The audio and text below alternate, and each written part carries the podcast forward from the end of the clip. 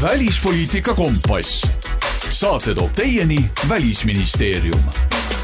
tere, head Delfi taskukuulajad, Välispoliitika kompassi järjekordne osa alustab ning täna keskendume taas kord Venemaa agressioonil Ukrainas,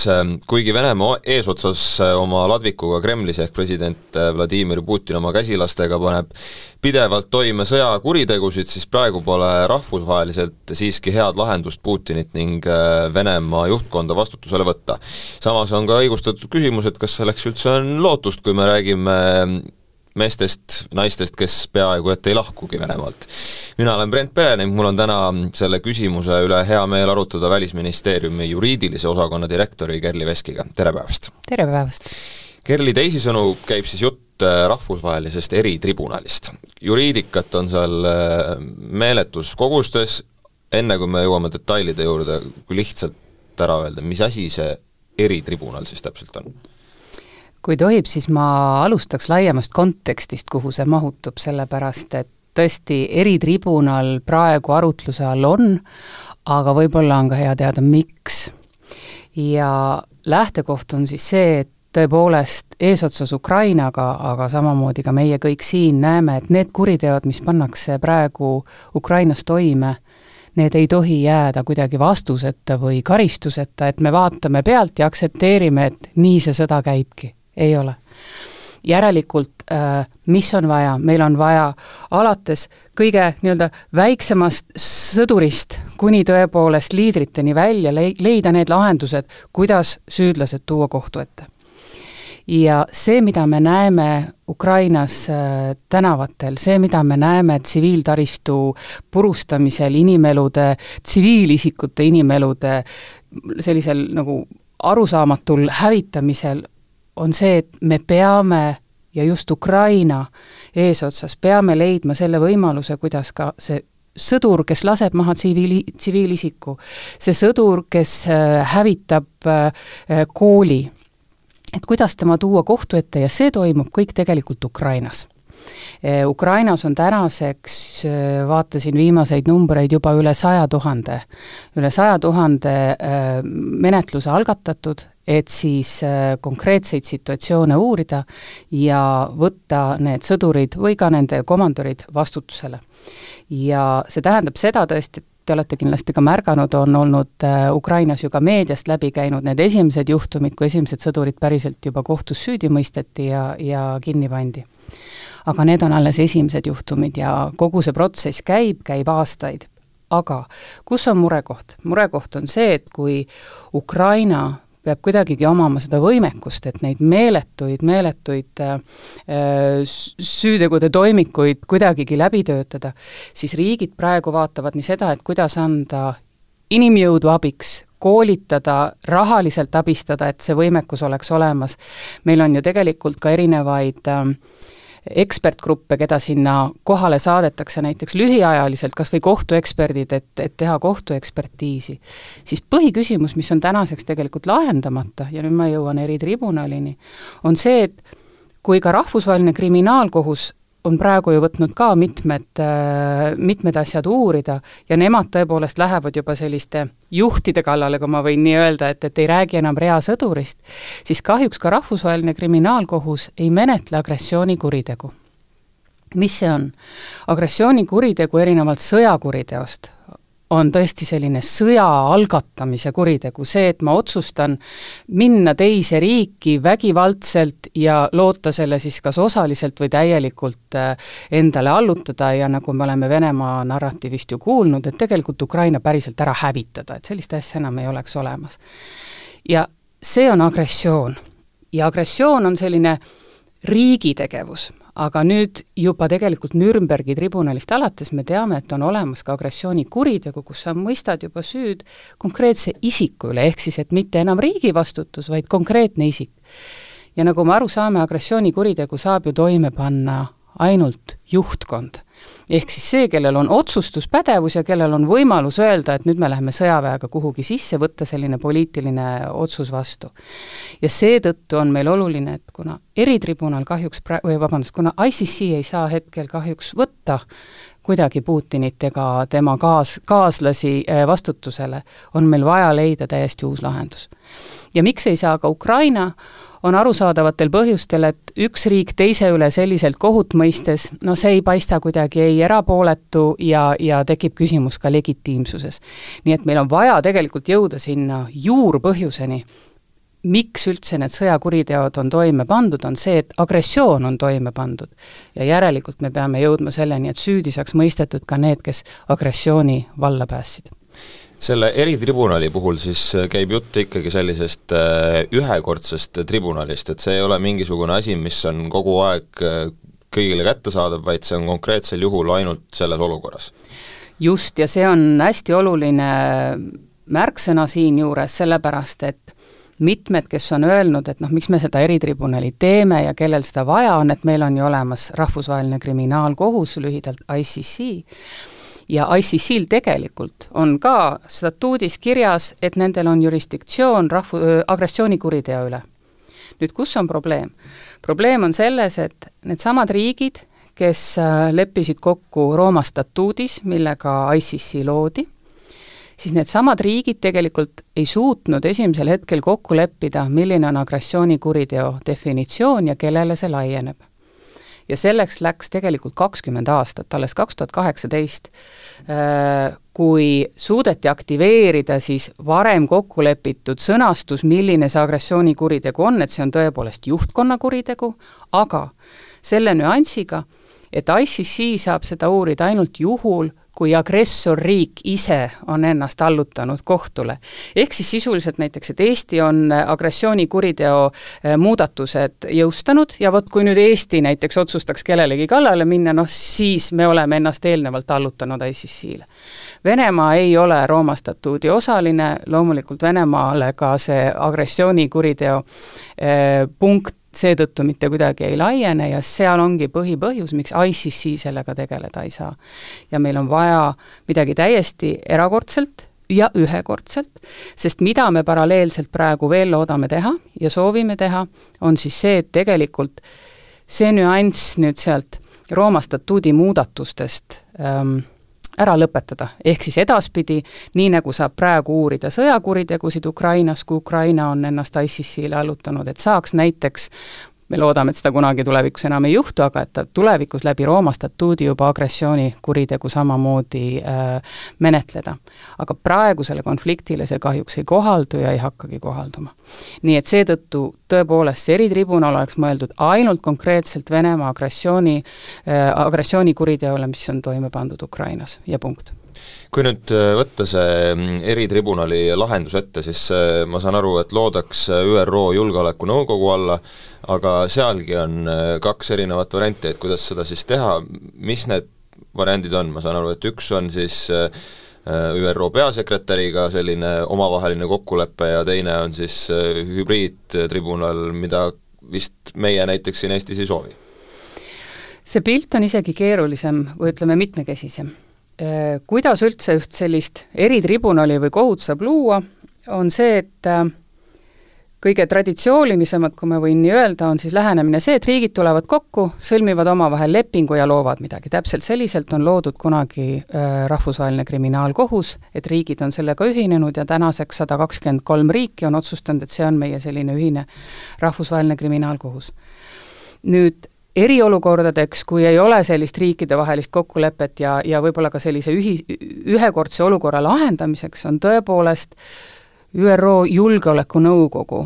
loonud eraldi tribunalid, noh meile kõige enam teada, eks ju, on Jugoslaavia ja Rwanda ja tõepoolest, Julgeolekunõukogul see pädevus on, riigid on selle kunagi selliselt kokku leppinud ja tänaseks väga tugevalt aktsepteerivad, et Julgeolekunõukogu võib sellise tribunali luua ja riigid on kohustatud sellega koostööd tegema. aga kus on meie tänane probleem, on see, et kuna agressor on meil üks Julgeolekunõukogu alalistest liikmetest, siis noh, seda seda tribunali seal ei sünni. Nad lihtsalt panevad siis veto? täpselt.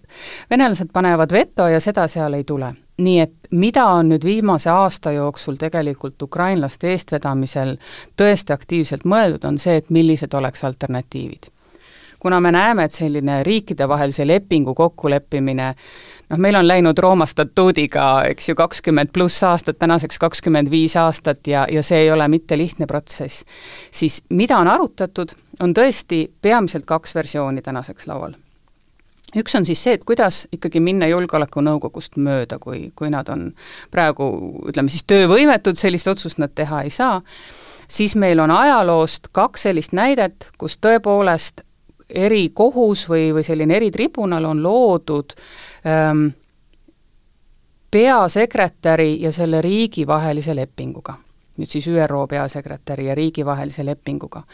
üks on pigem hübriidkohtu versioon, mis on loodud äh, Kambodža äh, äh, erikohtuna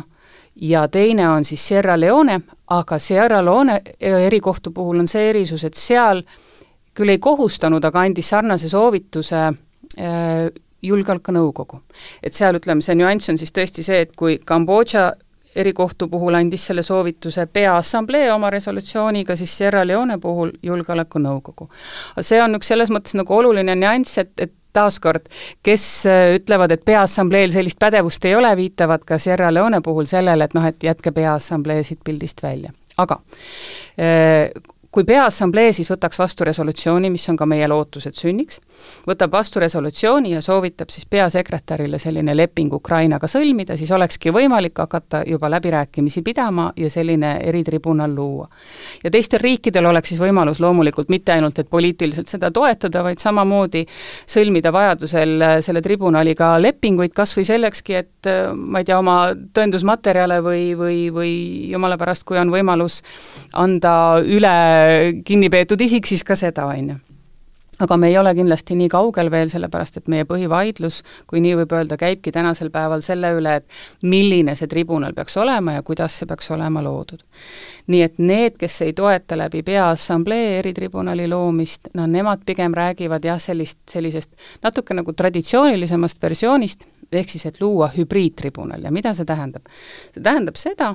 et Ukraina kohtusüsteemis loodaks selline eraldiseisev tribunal konkreetselt taaskord agressioonikuriteo jaoks,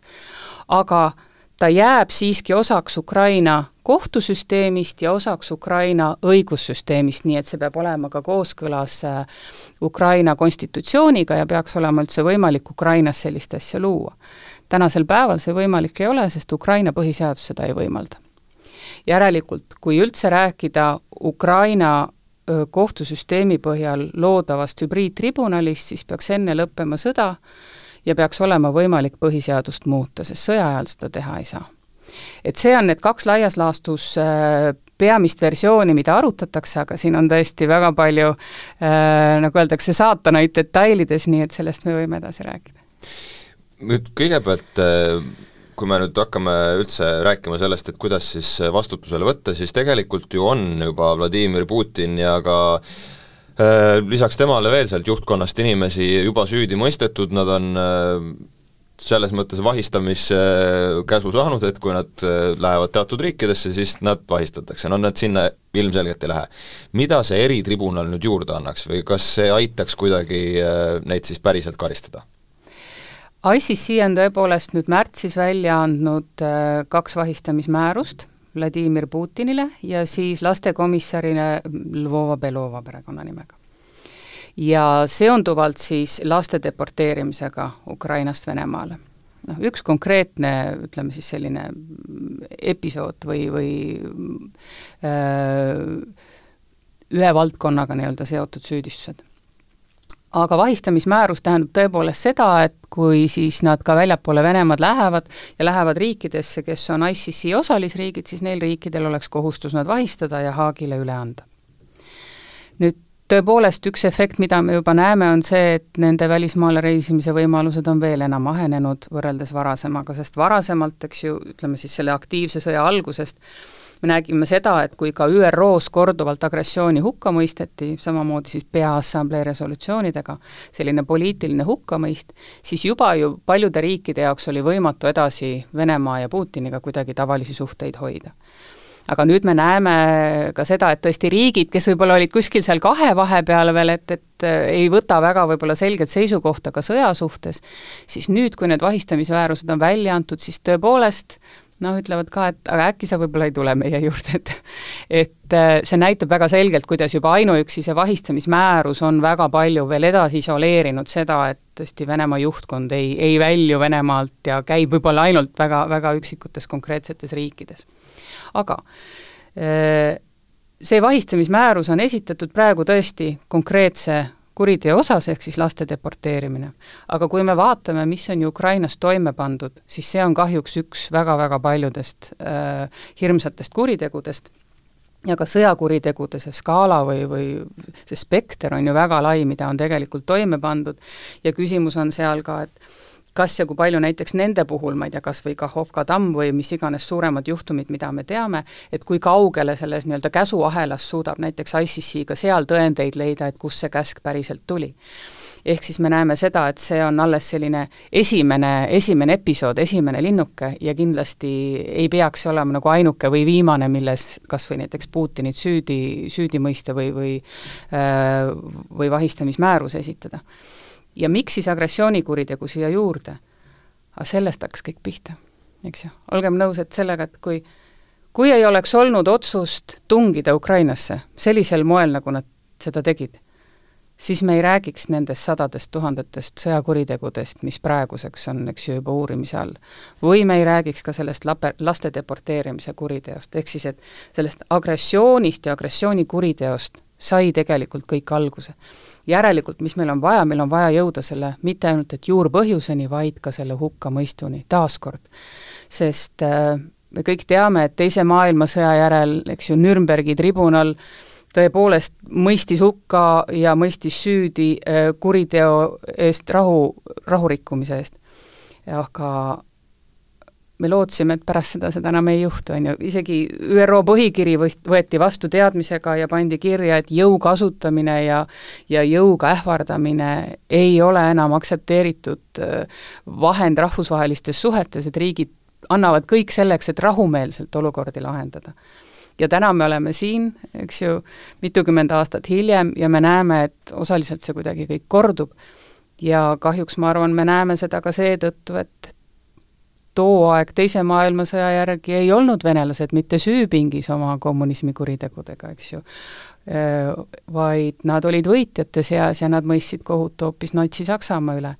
ehk siis nendel ei olegi kunagi olnud seda sisekaemust, et kas see, mida on teinud Stalin, mida teeb praegu Putin, mida on teinud üldse Venemaa aastasadu, eks ju, kui nad on vallutanud naaberriike, et kas see on kuidagi hukkamõistetav või mitte, nii et ma arvan, me jätkuvalt elame selles maailmas, et, et see hukkamõist tuleb ka õiguslikult äh,, õiguslikult noh, tõesti kõvasti ja selgelt välja öelda, et nii need asjad ei käi ja sellises maailmas me ei taha elada. No meie siin saame sellest aru ja meil on selge arusaam sellest, et see eritribunal peab tulema, praegu on ÜRO-s tähtis nädal käsil, kuivõrd seal praegu see teemaks on, et äh, tõesti on seda lootust, et see eritribunal ühel hetkel võiks tulla? Praegu ÜRO kõrgetasemelisel nädalal on erinevaid üritusi, kus äh, räägitakse Venemaa ja siis Venemaaga seotud isikute vastutusele võtmist päris mitmeid. nüüd, kas on juba valmis resolutsioon, et näiteks äh, võtta vastu eritribunali puudutav äh, otsus, siis ei, seda veel ei ole. see on pikk protsess ja kui me vaatame kas või nüüd ajaliselt, et me oleme aasta jagu umbes Ukraina eestvedamisel eritribunalist üldse rääkinud, tuumikgrupp hakkas koos käima selle aasta algusest, see kõik on pikk protsess. ja milline on see edusamm selle aasta jooksul, ongi see, et kui veel aasta tagasi oli üldse küsimus, et kas, kas on vaja luua, miks on vaja luua, meil ju ICC-st piisab, Ukrainast toimuvast piisab, et, et kas on ikka vaja, siis nüüd tegelikult viimase poole aasta jooksul on noh, korduvalt jõutud selle otsuseni ka erinevates organisatsioonides, kaasa arvatud Euroopa Liidu sees, et igal juhul selline vastutusele võtmise mehhanism on vaja ja me nüüd tegelikult arutame selle üle, milline.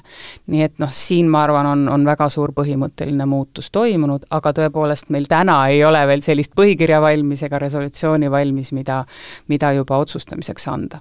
Ja miks see nii on, on see, et loomulikult siin on väga palju erinevaid äh, mitte ainult et juriidilisi detaile, vaid tegelikult ka väga olulised poliitilised otsused, mis on selleks vajalikud, sest äh, olgem ausad, riigid ikkagi ju vaatavad kõike sellist äh, pisutki uuemat lähenemist ka selle pilguga, et kuidas see võib tulevikus näiteks meid mõjutada. nii et siin üks küsimus ongi äh, mitte ainult see, et kas agressioonikuriteo jaoks eraldi luua eritribunali, vaid näiteks Peaassamblee osaluse puhul, et kas ollakse valmis selleks, et Julgeolekunõukogu asemel äh, asub kuidagi rohkem püünele Peaassamblee, kes on seni resolutsioone pigem väga sellise soovitusliku ja poliitilise mõjuga andnud, aga et noh, see selgelt annaks teatud sellist äh, tulevikku vaatavat tugevamat jõudu ka Peaassambleele. et siin on jah, väga mitmed sellised ähm, hoovused taga, millega tuleb arvestada ja millega tuleb tegeleda praegu. ehk siis see looks pretsedendi, mida teatud riigid kardavad? jah, põhimõtteliselt seal on see hirm, et kas võib juhtuda, et näiteks Peaassamblee hakkakski kuidagi väga lihtsakäeliselt erinevaid tribunale looma, saades näiteks lihtsalt enamuse toetuse. sellepärast ongi hästi oluline, et kui me ka praegu sellest eritribunalist äh, agressioonikuriteo eritribunalist Ukraina kontekstis räägime, on see, et me nagu raamistame selle hästi selgelt ära. et miks see on loodud, kuidas see on loodud ja miks see on ütleme siis selline väga äh, erilistel tingimustel loodud ja et see ei ole midagi, mida nagu on võimalik lihtsalt reprodutseerida korduvalt ja korduvalt. sest tõepoolest, põhi põhiline ju, mis seal taustal on see, et meil on ICC olemas. ehk siis, et me ei, kindlasti ei taha luua seda olukorda, kus meil on olemas alaline rahvusvaheline kriminaalkohus ja siis kuidagi me enam mitte ei vii asju sinna, vaid hakkame iga asja jaoks eritribunali looma, et noh, et siis me õõnestame kõike seda, mida me oleme viimased aastakümned teinud, et et seal tuleb leida see õige balanss ja kui nüüd vaadata tulevikku, siis kui tõesti peaks juhtuma nii, et see eritribunal luuakse, siis äh, selle tulemusena siis saaks Putin ja tema juhtkond äh, täielikult kõigist agressioonikuritegude eest karistada ja sisuliselt neil ei ole enam võimalust liikuda Venemaalt välja, no enam-vähem laias laastus? Äh, see on üks osa, äh, mis ju praegu juba on algatatud tegelikult, et see ka siit võib-olla jutust kaduma ei lähe, on see, et Haagis on tegelikult sellest suvest alustanud tööd agressioonikuriteo siis prokuröri kontor ja see on alles algusjärgus, aga kogu selle kontori mõte on selles, et juba praegu, ehk siis mida varem, seda parem, talletada kõik erinevad tõendid ja, ja öö, ähm, ütlused, mis agressioonikuriteo siis materjalile kaasa aitavad ja selle kokkupanekule. et see tähendab seda, et kogu see eeltöö on võimalik juba täna ära teha nii et äh, me ei jää mitte ootama tribunali, vaid et juba töö käib. tõendeid korjatakse kokku, äh, ütlused korjatakse kokku, need süstematiseeritakse ja siis, kui tõepoolest on võimalus eritribunal luua, on see materjal juba koos ja siis on ka näha, ähm, kui suur on see inimeste hulk, kellele tegelikult üldse on võimalik selle põhjal süüdistus esitada. sest jah, me võib-olla valjuhäälsemalt räägime äh, eelkõige troikast, rahvusvahelises õiguses nimetatakse seda troikaks, ehk siis äh, äh, riigijuht, valitsuse juht ja välisminister. Ja miks me sellest räägime, on see, et rahvusvahelise õiguse kohaselt neil on äh, puutumatus riigisisese kohtumenetluse eest ja kaasa arvatud hübriidtribunali puhul aga et kui me suudaks luua rahvusvahelise tribunali, siis seal on juba pretsedendid ees, kus tõepoolest ka ametis olevat troikat oleks võimalik süüdi mõista. nii et sel juhul selle materjali põhjalt on näha, kas me lõpuks räägimegi ainult nendest, sellest nii-öelda kolmikust või kellestki neist, või on tegelikult see süüdistatavate nimekiri pikem, sest noh, täitsa võimalik, et me räägime ka kümnest, kahekümnest inimesest, noh, paneme sinna sõjalise juhtkonna juurde, et see pilt ei ole täna selge. mida see annab, isegi kui juhul isegi kui nad kunagi Haagi ei satu, ütleme, et tõesti on selline kurb olukord, et neid ei olegi võimalik kuidagi Venemaalt kätte saada, siis veel kord, nende tegevus on ikkagi nii palju piiratud ja diskrediteeritud, et äh, sellel on juba omaette mõju tulevikku vaatavates suhetes, kui ongi selge, et ühe riigi juhtkonda ei olegi võimalik enam laua äärde kutsuda, noh, sa ei saa kutsuda, sest sa peaks teise käega andma, eks ju äh,, vahistamismääruse üle. ja mis veel enam äh,, eeldus ju siiski on ja, ja ütleme, ajaloolistest näidetest ka see, et me eeldame, et ka ju seestpoolt hakkavad inimesed siiski mõtlema, et kas ma tahan olla selles kambas.